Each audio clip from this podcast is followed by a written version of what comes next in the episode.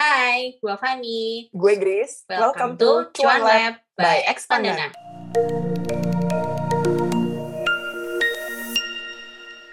Oke teman-teman, welcome back nih di episode kita yang ketiga. Kita hari ini bakal ngomongin tentang 5 piece of financial advice we should give to our 18 young or younger selves.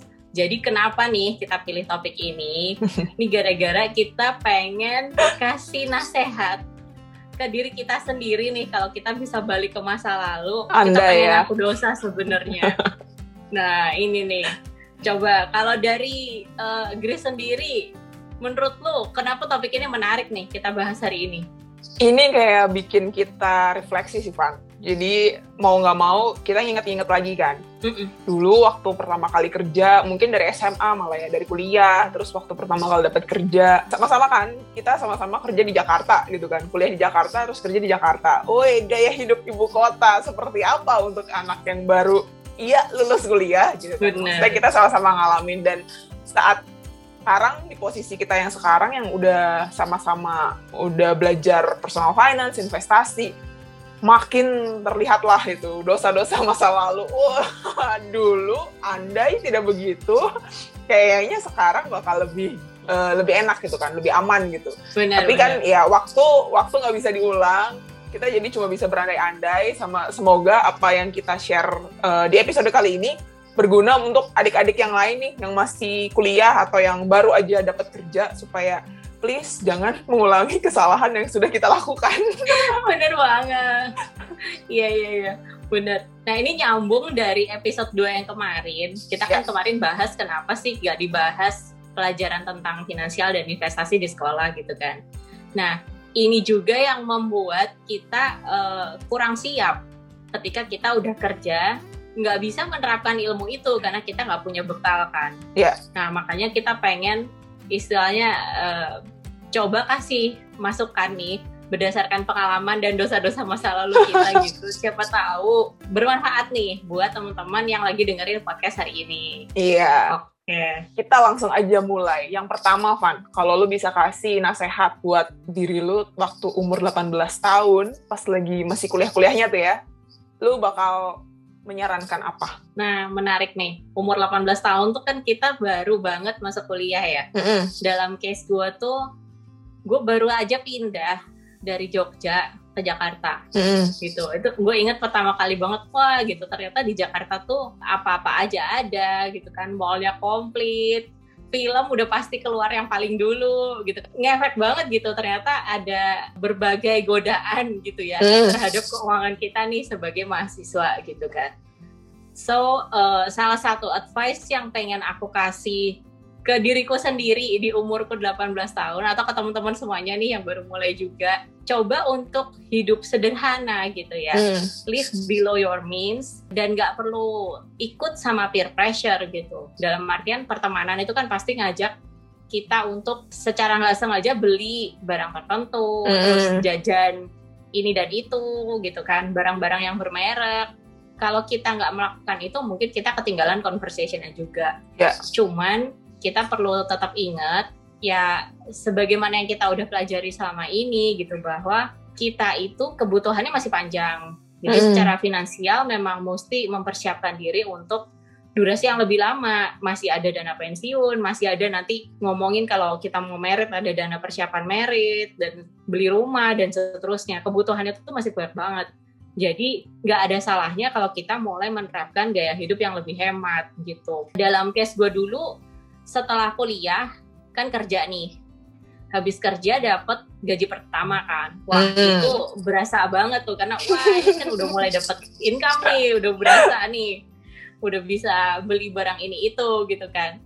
Dulu salah satu kesalahan gue ya dalam apa ya habit spending habitnya ini yang salah adalah gue terlalu sering eh, beli barang-barang yang mungkin bermerek. Hmm. yang sebenarnya secara fungsi bisa didapat dengan yang gak bermerek juga gitu kan. Atau yang misalnya local brand deh gitu yang mungkin lebih terjangkau tapi secara fungsi dan kualitas tetap bagus juga. Kemudian yang kedua gue sering juga makan di luar. Makan di luar tuh sering banget kayak hampir tiap hari.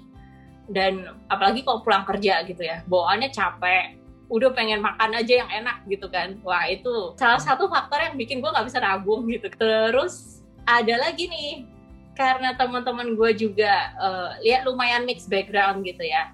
Ada yang udah senior gitu kan, udah beberapa tahun kerja, terus ada juga yang beberapa teman bahkan dari luar negeri, banyak banget yang cerita pengalaman mereka kan untuk traveling hmm. gitu. Oh itu juga ke bawah sama gue, terus gue pikir, wah kayaknya gaji gue cukup nih kalau gue beliin tiket dan uh, liburan, budget liburan, tiket. Udah gitu mikirnya dulu tuh kena banget sama yang uh, kalimat kalau jalan-jalan nggak usah nunggu sampai tua. Ntar giliran tua badannya udah pada sakit udah pada peot nggak bisa ah. jalan-jalan.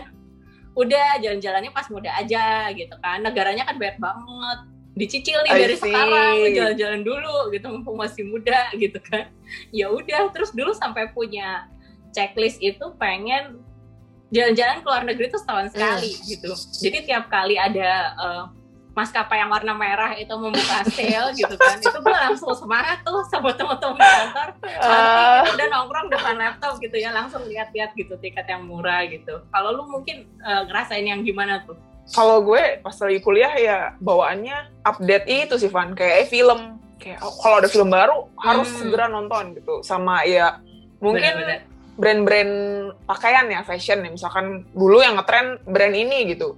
Berasa kayak gue butuh juga pakai uh, baju, celana atau sepatu atau tas dari brand itu gitu. Padahal secara fungsi, ya sekarang mah pakai brand apa aja juga nggak apa-apa gitu. Yang penting maksudnya yeah, yang iya, penting bener. kualitasnya oke okay, gitu, nggak peduli brandnya apa. Gue juga terbawa hedonismenya gaya hidup ibu kota sih karena gue inget banget waktu gue pertama kali kerja, terus um, di kantor gue ini kayak bos-bosnya, terus beberapa temen kantor yang sebenarnya lebih tua daripada gue gitu kan. Mereka tuh kayak tiap hari minumnya kopi gitu. Kopi dari brand gerai yang ada di mana-mana itu. yang iya, ada di mana-mana itu. Terus pertama diajakin, Grace mau ikut ngopi nggak gitu? Atau mau titip nggak? Soalnya kan nyuruh OB gitu kan. Oh boleh deh gitu kan emang ngantuk pengen ngopi gitu. Terus lama-lama mereka tuh tiap hari kayak gitu beli kopi. Terus gue jadi ikut-ikutan ikut-ikutan hmm. beli kopi tiap hari. Padahal gaji gue lagi pertama kerja wah kayaknya kalau kayaknya dari sebulan tuh habis cuma buat uh, setengahnya tuh cuma buat bayar kopi doang gitu kan gitu. Terus ikut-ikutan tren yang ada di sosial media. Misalkan kayak tahu gue follow beberapa influencer, terus beberapa beberapa influencer itu merekomendasikan suatu produk kan, ya biasa kan, influencer kan emang begitu kan. Iya dong, kena racun dong. Iya, iya, gue serasa kayaknya gue butuh juga deh uh, makeupnya ini, skincare brand ini gitu-gitu kan. Padahal ya again balik lagi dengan gaji gue fresh grade saat itu, terus gue kepengennya tuh beli makeup skincare yang high end, high end brand yang kayak uh, kayaknya kalau gue beli satu moisturizer ini aja kayaknya uh, setengah gaji gue udah gone gitu kan. Tapi gue pengen banget gitu melakoni itu semua fan gitu. Yeah, ya iya, maksudnya ya uh, gue kayak apa ya kayak herding lah. Disebutnya herding lah. Kayak orang-orang lain bilang ini bagus ini bagus ini bagus. Terus gue oh iya gue ikut ikutan deh bagus juga nih kayaknya. Iya benar-benar dosa yang masih uh, aku ingat sampai sekarang ngapain ya dulu begitu?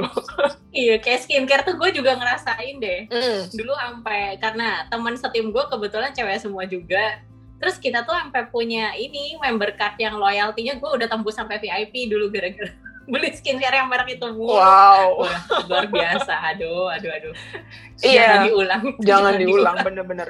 Kayaknya dulu tuh saking apa ya saking kita ngelihat uh, surroundings kita begitu terus kita ngerasa hmm. butuh dan kita tuh kayak nggak bisa mempraktekkan delay gratification itu Van. Gue inget banget pokoknya waktu masa-masa itu tuh gue nggak bisa sama sekali untuk menunda kesenangan yang bukan penting bukan yang esensial gitu. Itu sih. Benar-benar. Apalagi uh, zaman dulu ya selain kita nggak bisa nunda nggak bisa nerapin delay gratification gue juga berasa zaman dulu belum ngerti ya belum riset produk-produk keuangan. Jadi kayak nabung ya udah gaji nongkrong aja di rekening padahal rekeningnya bunganya kecil banget gitu. Iya, parah Jadi sih. kalau sekarang kan kita udah lebih aware. Oh ya udah, hmm. walaupun kita eh, nggak uh, spending, duitnya diparkirnya nih di rekening yang bunganya lebih tinggi bunganya terus iya, kita riset betul. juga kan itu uh, much better sih. Sekarang jadi lebih belajar juga untuk hidup cukup ya. Benar. Belajar banget. dengan hidup cukup, nggak mesti mengikuti apa kata lingkungan atau apa yang kelihatan di sosial media. Jadi apa ya bisa ngatur prioritas kali ya. Jadi karena kita udah lebih tahu mm. uh, bahwa personal finance itu sifatnya maraton, sebuah long game gitu ya kita jangan boros dulu deh sekarang gitu. Secukupnya aja. Itu yang penting mm. kita tetap punya budget kan mm. buat bukannya nggak boleh beli sama sekali ya. Maksudnya barang-barang yang untuk senang-senangnya itu tetap. Terus kalau mau sesekali uh, traveling juga itu tetap boleh. Yang penting yeah. memang pada dasarnya udah dianggarkan. Mm. gitu. Bener. Ini nyambung juga dengan advice yang mau gue kasih ke diri gue sendiri Van beberapa tahun yang lalu coba lu invest in yourself kayak lu pakai waktu lo, lu pakai uang yang lo punya untuk belajar gitu. Jadi uangnya nggak cuma dihambur-hamburkan untuk hal-hal yang nggak perlu, tapi untuk belajar tentang personal finance dan investasi ini gitu. Mungkin zaman kita dulu webinar dikit ya Van ya? Nggak nggak seperti iya. sekarang yang kayak wow banyak banget tuh mau ikut webinar mana aja bisa kelas online pada buka. Tapi dulu mungkin kita bisa belajar dari buku gitu. Atau hmm. mungkin uh, mungkin ikutan forum atau segala uh, atau seperti itu kan. Kalau forum kan dari zaman kita udah ada gitu. Terus kalau hmm. buku eh, bisa diakses juga dari dulu. Cuma itu yang nggak kepikiran sih. Dulu sama sekali nggak kepikiran. Mungkin gue terlalu pede. Kayaknya gue nggak perlu segitu nguliknya karena kayaknya nggak investasi juga hidup gue aman-aman aja.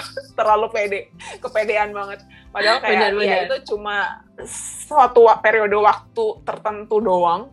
Padahal uh, masih panjang kan. Hidup ini masih panjang banget dan selalu berubah kan. Kita tuh kayak tren hidup kita berubah terus situasinya berubah. Kayak kita sekarang tahu-tahu ada pandemi juga langsung ya, semuanya harus pivot dan cari cara untuk bertahan hidup gitu kan. Benar. Itu sih salah satu yang ya kalau bisa diulang itu yang akan gue nasehatkan. iya, menarik banget sebenarnya karena ini nih kayak common mistake juga ya. Gue pun sama. Hmm. Gitu. Gue juga dulu nggak terlalu istilahnya nggak terlalu mengeksplor uh, bidang pengetahuan lain di luar yang mungkin berurusan sama kerjaan kita sendiri. Gitu. Yeah. Padahal penting gitu kan. Hmm. Sekarang kita berasa bahwa uh, skill itu dengan mudahnya berubah, dengan mudahnya cepat berganti kebutuhan di industrinya juga. So kalau kita nggak keep up dengan itu, kalau kita nggak coba punya diversify skillnya juga, yeah. itu bakalan susah gitu karena kompetisi juga semakin ketat. Nah soal over PD tadi, gue tuh sempat ngulik dan gue nemu yang namanya Dunning-Kruger effect Ya. Dunning Kruger effect ini kalau kita coba di Google deh teman-teman karena yeah, gue yeah. bisa kasih gambar uh, grafiknya ya gimana uh. di podcast ini gitu. Tapi coba lihat karena itu simptom pertamanya adalah itu ketika kita over PD itu kita ada di tahap yang namanya peak of Mount Stupid. Mm. Gitu. Jadi justru kita tuh ada di puncaknya lagi goblok-gobloknya nih, lagi bego-begonya nih.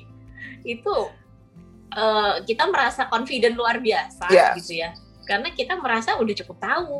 Hmm. gue dulu berasa gue masih inget banget. Gue ngobrol sama temen uh, sekantor gue terus sesimpel dia bilang yang penting gaji kita sepertiga itu kita save masuk tabungan.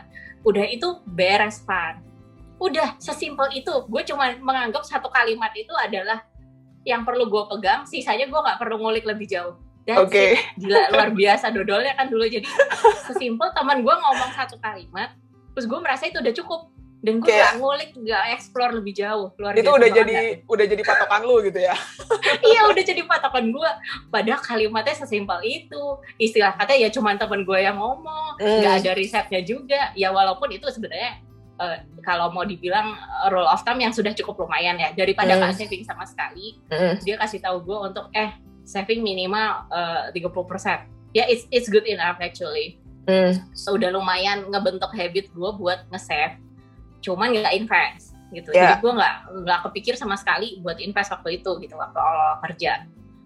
Alhasil ya selama beberapa tahun kita miss opportunity kan. Mm -hmm. Seharusnya itu bisa kita lakukan buat uh, invest, kita buat explore tools-tools apa yang cocok buat kita, profil risiko kita gimana gak pernah tahu karena yeah. gak pernah belajar Benar. gitu.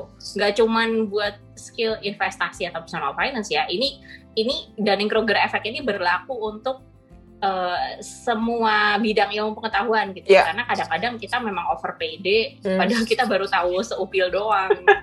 Kayak gitu.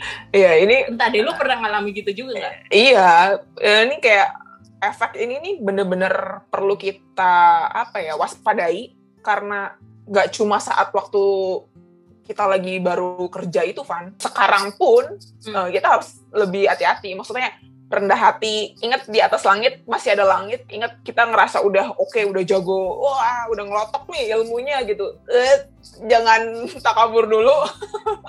masih masih banyak hal yang perlu lu pelajari, masih banyak hal yang perlu lu explore gitu. Jadi jangan gampang apa ya, jangan gampang berpuas diri, jangan gampang Hmm. berpuas, eh, jangan gampang menganggap kalau kita tuh udah yang paling pintar gitu. Itu justru bahayanya di situ. Menurut gue itu bahaya banget sih.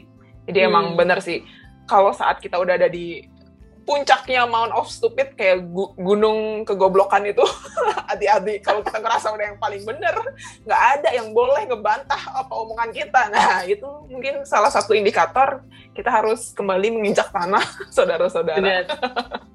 Ya gitu Iya, sih, bener-bener.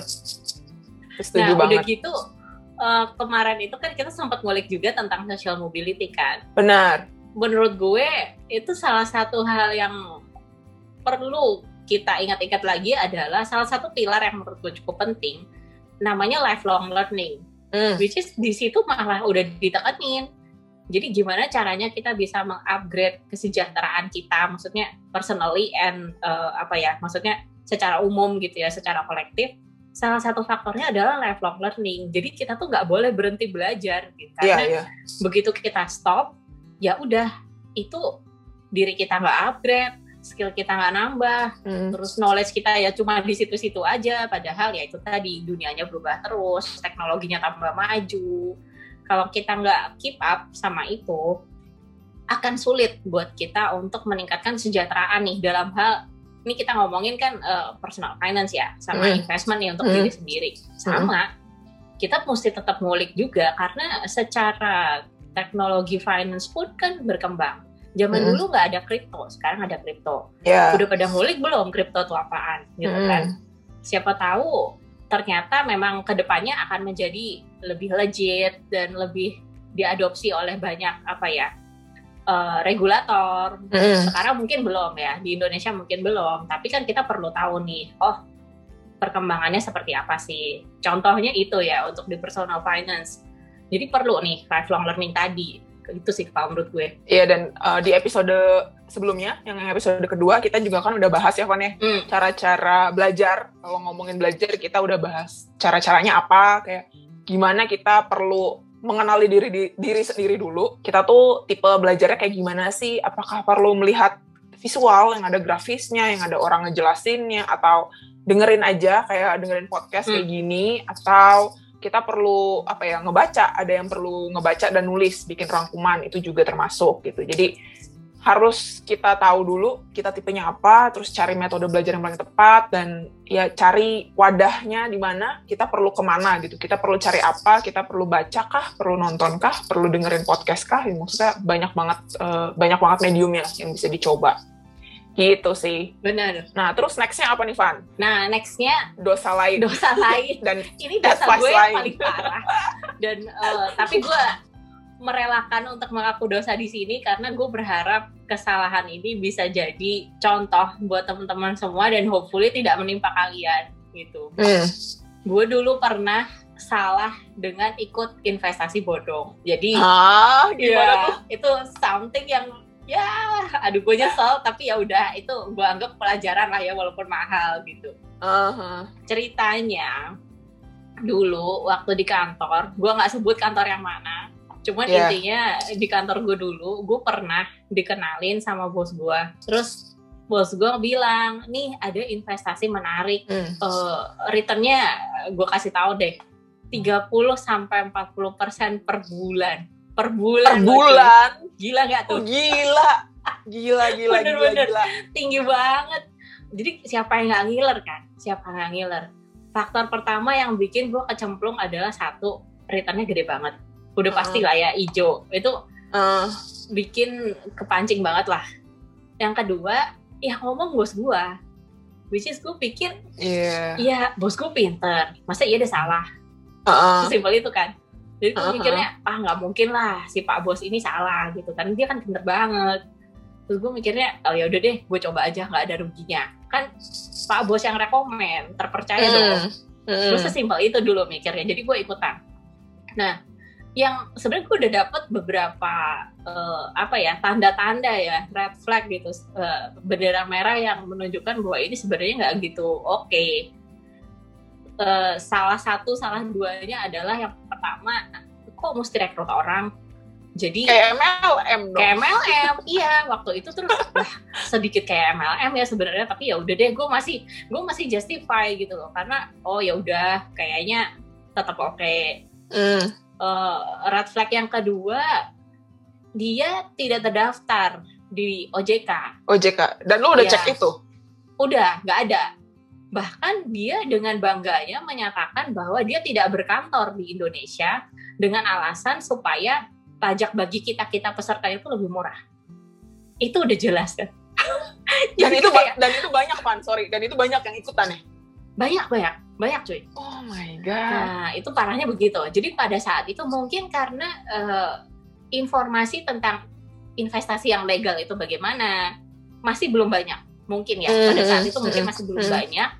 Jadi cukup gencar eh, apa namanya distribusi informasi tentang MLM ini gitu.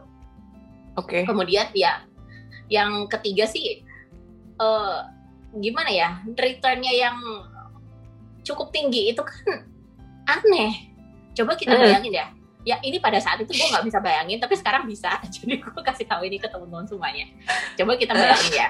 Kita naruh uang di tabungan. Kira-kira dalam setahun tuh kita dapat bunga berapa sih? Gitu. Mm. Naik dikit deh deposito. Deposito tuh kita setahun dapat bunga berapa sih? Setahun Iya, deposito Setahun sekarang lah aja tuh Setahun. berapa sih Sekarang- paling 4 sampai 5 persen tuh udah bagus Iya. banget. Mm. 4 sampai 5.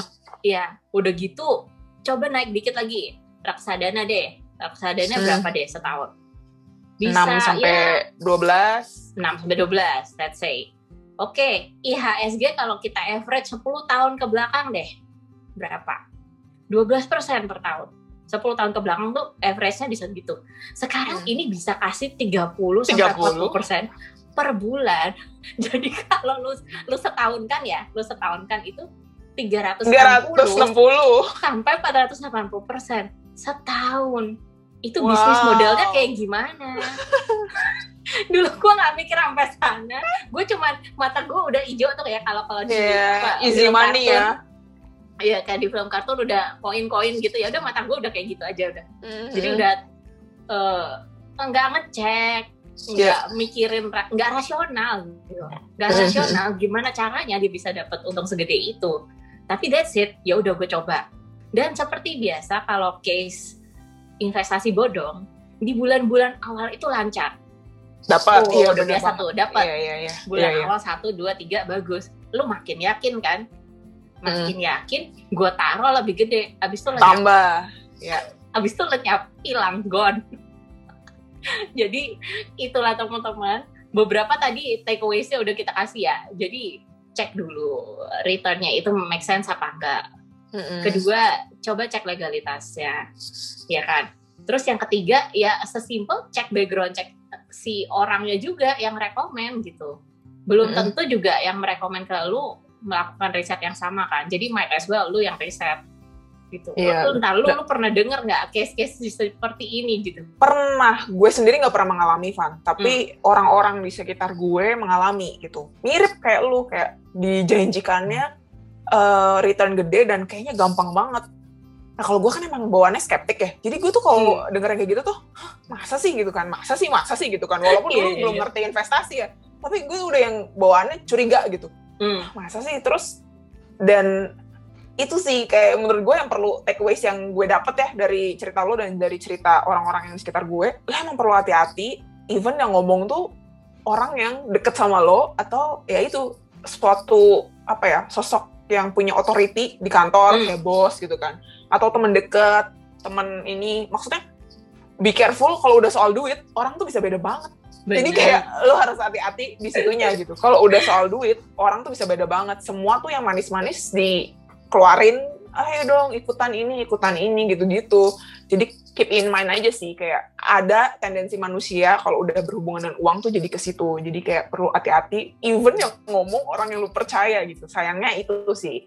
Terus Bener. ya eh, gue mau nambahin yang tadi eh, lu bilang perlu cek juga kayak mekanisme eh, ya itu bisnis model perusahaannya seperti apa dia bisa ngasih Hmm. menawarkan return segede itu 30% sebulan tuh emang emang duitnya diputar di mana gitu duitnya diputar di mana sampai bisa kasih return 30 juta buat semua investor ya gitu jadi kayak ini Hmm. duitnya muternya gimana gitu bisnisnya kayak apa itu juga harus dicek sih Benar. Kayak eh, kita juga ini bukan bermaksud untuk mendiskreditkan bisnis model MLM karena marketing Mhm. dengan MLM itu pun salah satu cara yang menurut gue sangat efektif untuk Iya. nge-build sebuah brand, untuk mendistribusikan sebuah brand gitu. Dalam case tertentu, kalau tadi ngomongin bisnis model ya, kalau yang dijual itu barang fisik dan apa ya istilahnya, lu bisa yakin bahwa memang perusahaannya itu mendapatkan untung dari selisih menjual barang. Itu akan much more make sense menurut gue ya iya daripada menitik beratkan pada rekrutmen jaringan itu Mhm. gitu. Mhm. Merekrut orang itu yes adalah satu komponen untuk membuat jaringannya berkembang, distribusinya makin kencang. Tapi bukan itu titik utamanya, produknya Iya. harus ada gitu. Mhm. Atau dalam case produk digital pun ya tetap memang ada selisih profit margin gitu loh.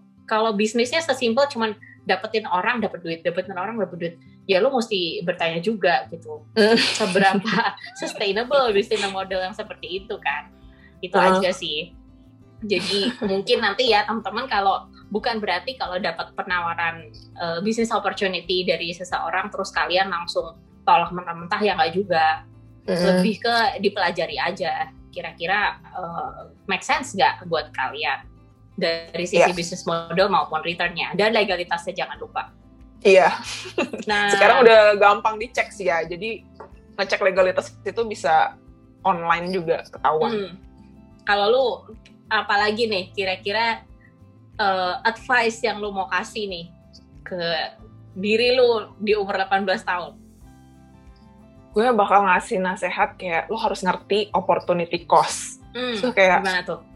Opportunity cost tuh alternatif. Jadi saat gue mengeluarkan uang untuk eh, suatu barang gitu untuk beli misalkan let's say gue pengen eh, ngeluarin duit untuk beli iPhone paling baru gitu kan 18 juta gitu kan. Gue harus ngerti juga dengan gue meng- dengan gue ngeluarin 18 juta buat beli iPhone berarti ada opportunity cost lain yang kelewat yang harus gue relakan. Misalkan 18 juta itu buat apa gitu kan? Oh 18 juta bisa gue eh, endepin aja di reksadana reksadana pasar uang deh yang paling aman gitu kan. Return returnnya tetap lebih gede daripada deposito gitu kan. Hmm. jadi dan itu paling aman yang paling aman yang eh, menurut gue itu salah satu instrumen investasi yang konservatif sih. Tapi kalau di compare dengan bunga bank dan bunga deposito ya tetap lebih gede gitu. Hmm. itu bisa gue endepin dan gue bisa dapat duit yang lebih gede lagi satu tahun dua tahun belak- dua, dua tahun ke depan gitu. Jadi kayak apakah ini memang dibutuhkan? Dan itu tuh dulu gue boro-boro boro-boro kayak gitu kan nggak nggak ada tedeng-tedeng ya udah lu lu perhatiin Iya. dulu al- alternatifnya apa. Dulu kayak mau ini ya sikat gitu langsung. Langsung. Bener, gue bener. Beli langsung gue add to cart dan langsung bayar gitu kan jadi Hmm. kayak beneran nggak ada apa ya nggak ada ngeremnya nggak ada ngeremnya sama sekali jadi kayak oh gue mau A ya udah gue beli A gitu gue mau B gue beli B gitu jadi nggak ada mikirnya dulu nggak pakai mikir jadi kayak dulu tuh emang em, dangkal dangkal berpikir nggak pernah gue berpikir kalau Oke. mau apa ya udah gitu Iya Dulu namanya kayak juga gitu setting sih. aku dosa ya teman-teman ya. iya Jadi ini kita sebutin boro-boro. semua yang jelek-jelek biar kalian belajar dari sini gitu kan. Kayak gue dulu Iya. juga, oh pilih A atau B ya. Alah nggak usah kayak orang susah, ambil aja sama B. dua-duanya iya benar Aduh. ya udahlah ya, sekarang Iya gue udah tobat kok udah gak kayak gitu lagi. Iya tuh dulu statement aduh jangan kayak orang susah beli Iya, aja dulu itu ya ampun pan iya itu bener banget sih gawat sih Aduh. Nah, gue kacau pernah kacau lihat di videonya eh, Gary V. Gary V Hmm. mungkin teman-teman udah tahu juga ya, salah Ya. satu uh, pengusaha, entrepreneur dan juga investor dari uh, big company setelah di US sana gitu. Mm. Waktu itu tuh pernah ada yang nanya ke dia, uh, Pak Gary V gitu, kira-kira gimana ya kalau aku ini terlalu sering spending dan spendingnya lumayan gede mm. ke uh, dia kebetulan sukanya itu olahraga. Jadi dia suka yeah. nonton pertandingan olahraga kayak misalkan pergi ke pertandingan sepak bola atau mm -hmm. basket kayak gitu. Which is kan tiketnya lumayan ya harganya di sana. Nah, terus jawabannya Gary Vee ini menarik gitu. Menurut gue menariknya karena dia bilang gini, oke, okay, kamu memang spend ribuan dolar untuk tiket atau sifatnya hobi atau entertainment kan dalam case mm. ini. Mm. Tapi yang nggak lu sadari, lu happy, lu happy, lu uh, dan happy itu kan secara tidak langsung berkontribusi terhadap kesehatan kita juga ya. Karena kan katanya hati yang bahagia adalah obat gitu kan. Katanya kita kalau happy nggak apa ya nggak gampang sakit dan seterusnya. Uh, nah oke okay, uh. spending segitu banyak tapi lu nggak ke dokter. Nah daripada duit lu segitu dikasih ke dokter buat biaya medis lu seneng dan lu happy. That's it itu cukup buat lu. Terus gue jadi kepikir oh ya benar ya ini salah satu opportunity cost gitu. Bukan berarti oke okay, ya udah kalau gitu gara-gara Kavani bilang gini, berarti kalau gue beli something yang buat hobi inilah obatnya. Jadi ini daripada gue kasih ke dokter terus gue beli ini, ini aja Kavani begitu. Bukan, bukan begitu maksudnya. Cuman maksudnya uh, ketika kita membelanjakan sesuatu kayak Gris tadi ya, itu misalkan hmm. beli something, dipikir dulu duit segini, misalkan senilai 200 ribu deh 200 ribu ini kegunaannya bisa gue pakai apa aja. Oke, okay, bisa beli barang yang ada di cart yang di depan mata gue nih, yang udah mau gue check out. Bisa buat beli buku, nambah ilmu. Bisa buat hmm. ikut webinar. Bisa buat ikut online class. Bisa buat invest ditaruh di reksadana lumayan. Hmm. Dan sebagainya. Itu yang dimaksud. Jadi sebelum hmm check out dan langsung gesek itu kartu atau langsung buka token approve dan sebagainya uh, dicek dulu gitu. Duit yang mau lo keluarin itu harusnya bisa buat apa aja. Nah mm. lo menimbang-nimbang dulu nih dari sekian banyak opsi atau opportunity cost itu tadi kira-kira yang mana yang paling worth it? Kalau menurut lo yang di depan mata ini worth it dan masih sesuai dengan batas anggaran lo ya go ahead. Mm. simpel gitu kan Ya. Dan kalau gue ya, Van ya, self reward kayak gitu tuh nggak apa-apa sih. Hmm. Tapi um, gue mungkin agak mempertanyakan ya. Mungkin kalau Gary Vee beda beda level kali ya. Dia, hmm. dia secara udah duitnya kayaknya udah nggak ada serinya lagi udah ya. Seri. Ya ya udah gitu kan ya beli-beli aja. Cuma menurut gue kalau misalkan lu nonton pertandingan itu itu kan short term banget Van. Kelar itu happy tapi besok bisa jadi udah hilang gitu. Puasnya tuh hilang gitu. Jadi kalau gue personally mencari apa ya beli barang atau menghabiskan uang gue untuk sesuatu yang kayaknya kira-kira bisa lumayan lama nih gitu. Bukan hmm. yang cuma sehari dua hari seminggu gitu. Tapi hmm. efeknya tuh bisa cukup lama. Puasnya gue happynya gue tuh happy dalam tanda kutip ya. Puasnya gue make barang itu atau experience uh, sesuatu itu bisa cukup lama sih. Mm. Ya semisal kayak um, gue kan suka journaling ya. Mm. Ya gue beli notebooknya yang bagus gitu. Karena itu pasti lama, bisa setahun gue pakai gitu. Mm. Bukan yang kayak seminggu tuh notebook udah habis gue tulisin juga nggak mungkin kan. Maksudnya gue ngapain saya se sebuku langsung habis seminggu kan nggak mungkin. Mm. Jadi gue oh gue uh, sengaja gue belinya yang bagus gitu nggak mau yang uh, ecek-ecek lah kasarnya gitu ya gue hmm. pengen yang bagus gitu karena gue tahu ini bakal gue pakai lama nih gue bakal megang dan pakai si notebook ini terus-terusan sampai setahun bahkan bisa lebih gitu jadi kayak gitu sih kalau tipe yang gue prefer ya dan hmm. mungkin kalau saat um, menghadiahi diri sendiri pun gue setuju perlu perlu banget ya karena ya kita juga kan masa hidup kerja keras terus tapi kita nggak ngasih apa-apa ke diri sendiri gitu hmm. cuma ya mungkin uh, ya itu sih kita harus memikirkan juga uh, ke depannya. Ini nyambung sama advice gue yang berikutnya sih, Pak. Apa mau langsung aja? Boleh, gas. nah, lanjut. Yang lanjut, yang advice berikutnya yang bakal gue kasih ke diri gue waktu gue muda adalah kayak yang bertanggung jawab untuk hidup lo tuh ya lo sendiri gitu.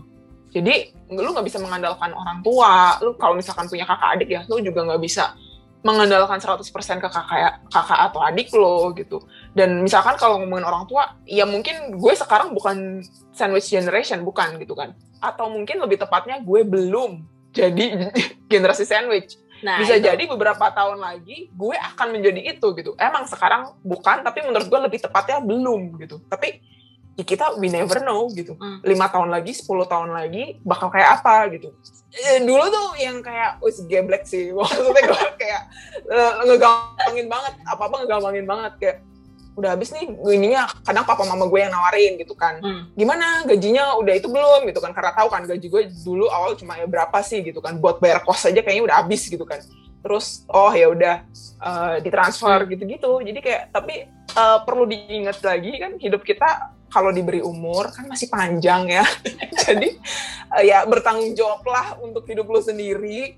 At least yang bisa lo lakuin ya nabung yang rajin terus mulai investasi mulai cari-cari tahu instrumen investasi apa yang cocok yang emang lu mau tekuni gitu. Nah ya udah stick with them terus ya cobain aja. Maksudnya tungguin harus sabar juga. Gue sepakat banget sih sama uh, saran lo yang terakhir ini ya karena mungkin gue sendiri sih mungkin nggak ngalamin karena gue juga termasuk orang yang nggak suka utang ya. Mm. Cuman di luar sana tuh ternyata utangnya juga salah satu case yang banyak terjadi.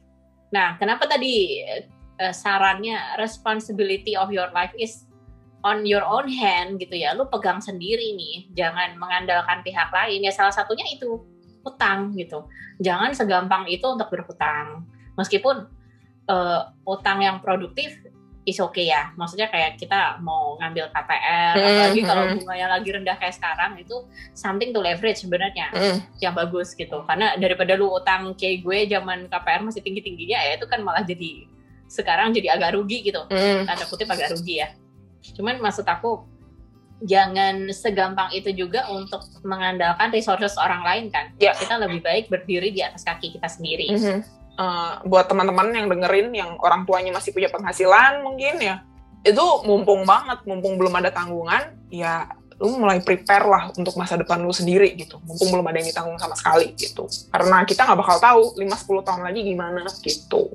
Hmm benar benar benar so to wrap up ya tadi lima uh, advice nih yang kita pengen kasih kalau kita bisa balik ke waktu dulu umur 18 tahun nih awal-awal kita kuliah awal-awal kita jadi first jobber. Nah ini gue rangkum. Yang pertama kita mesti live below your means. Artinya hidupnya sederhana aja guys nggak usah banding-bandingin sama tetangga nggak usah banding-bandingin sama teman teman mau pakai barang bermerek teman mau jalan pergi ke mana juga nggak masalah mm -mm. kita juga eh, bisa mengimbangi tapi dengan porsinya ya yeah. maksudnya jangan lupa budgeting jangan lupa delay gratification juga karena kita ingat time horizon kita masih panjang nih mm -mm. buat uh, ngurusin personal finance-nya yang kedua uh, masalah investasi ya tadi. Kalau memang dia nggak masuk akal tunggu tuh gitu ya itu boleh jadi it's not true gitu. Karena kita harus rasional juga investasi yang wajar itu kayak gimana yang legal kayak gimana. Nah itu kita perlu cek dan dicek ya. Hmm. terus yang ketiga nah tadi masalah investasi ke diri sendiri. Nggak cuman masalah ilmu ya. Jadi investasi ini juga menurut gue masalah kesehatan juga perlu. Ya. Misalnya kita konsumsi makanan-makanan yang sehat. Anak kos kan terkenal dengan mie instan misalnya.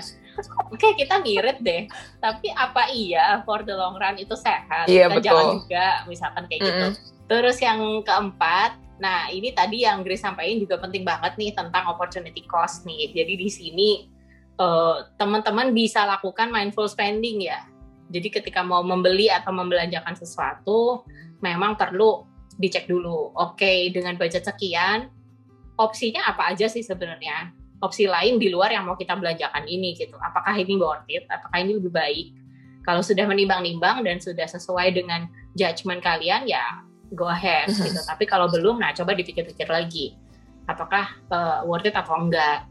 Nah, yang terakhir, nah kita perlu nih bertanggung jawab terhadap diri kita sendiri gitu dan syukur-syukur bisa ikut membantu kehidupan orang lain juga yeah. gitu. kita bantu orang juga mungkin lo mau nambahin something Grace uh, mulai menurut gue mulai juga untuk uh, biasakan diri untuk menabung nggak usah ada tujuannya nggak apa-apa karena kita dapat hmm. uh, kita tercerahkan ya dari buku The Psychology of Money itu kayak yes. nabung tanpa tujuan tuh nggak apa-apa for the sake of saving pun ya nggak apa-apa gitu tabung aja hmm. dulu untuk apa ya untuk memperluas uh, room for error untuk memperluas ada margin of safety yang kita punya jadi kalau ada sesuatu pahit yang datang kayak misalkan pandemi ini atau ada yang di PHK atau apa kalau lu punya saving cukup lu masih bisa tidur nyenyak gitu. Malam-malam tuh masih bisa tidur nyenyak. Kayak kalau lu dana daruratnya cukup misalkan enam bulan dana darurat cukup kena PHK oke okay, ya udah gue masih bisa tidur nyenyak.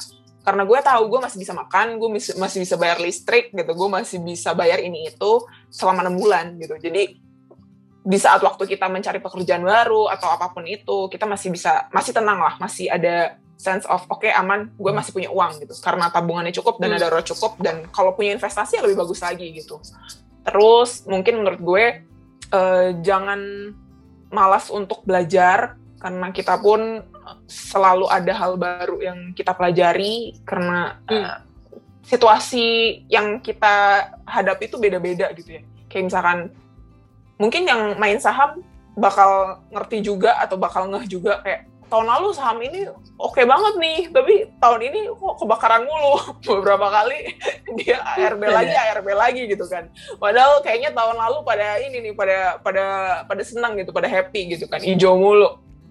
Jadi emang bakal berbeda-beda. Jadi kita juga harus perlu upgrade diri, harus uh, cari-cari info terus, harus update gitu-gitu. Dan mungkin salah satunya uh, dengan baca buku. Kalau gue dan Fanny suka kita berdua sama kami berdua sama-sama suka baca buku. Dan kita punya rekomendasi buku yang menurut kita life changing saat baca buku ini, ini jadi kayak tercerahkan dan kayak mengubah mindset dengan yang wow ternyata gini ya gitu. Dan itu yang kayak kita um, I wish kayak buku-buku kayak gini ini ada waktu waktu gue masih kuliah gitu kan kayak gue waktu SMA hmm. atau gue gue kuliah itu buku-buku ini udah ada gitu. Atau gue tercerahkan udah ada orang yang bilang eh baca dong buku ini bagus gitu kan. Kepengen hmm. kepengen ngarepnya tuh kayak gitu gitu. Dan buku-buku ini salah satunya yang tadi udah gue sebut ada The Psychology of Money.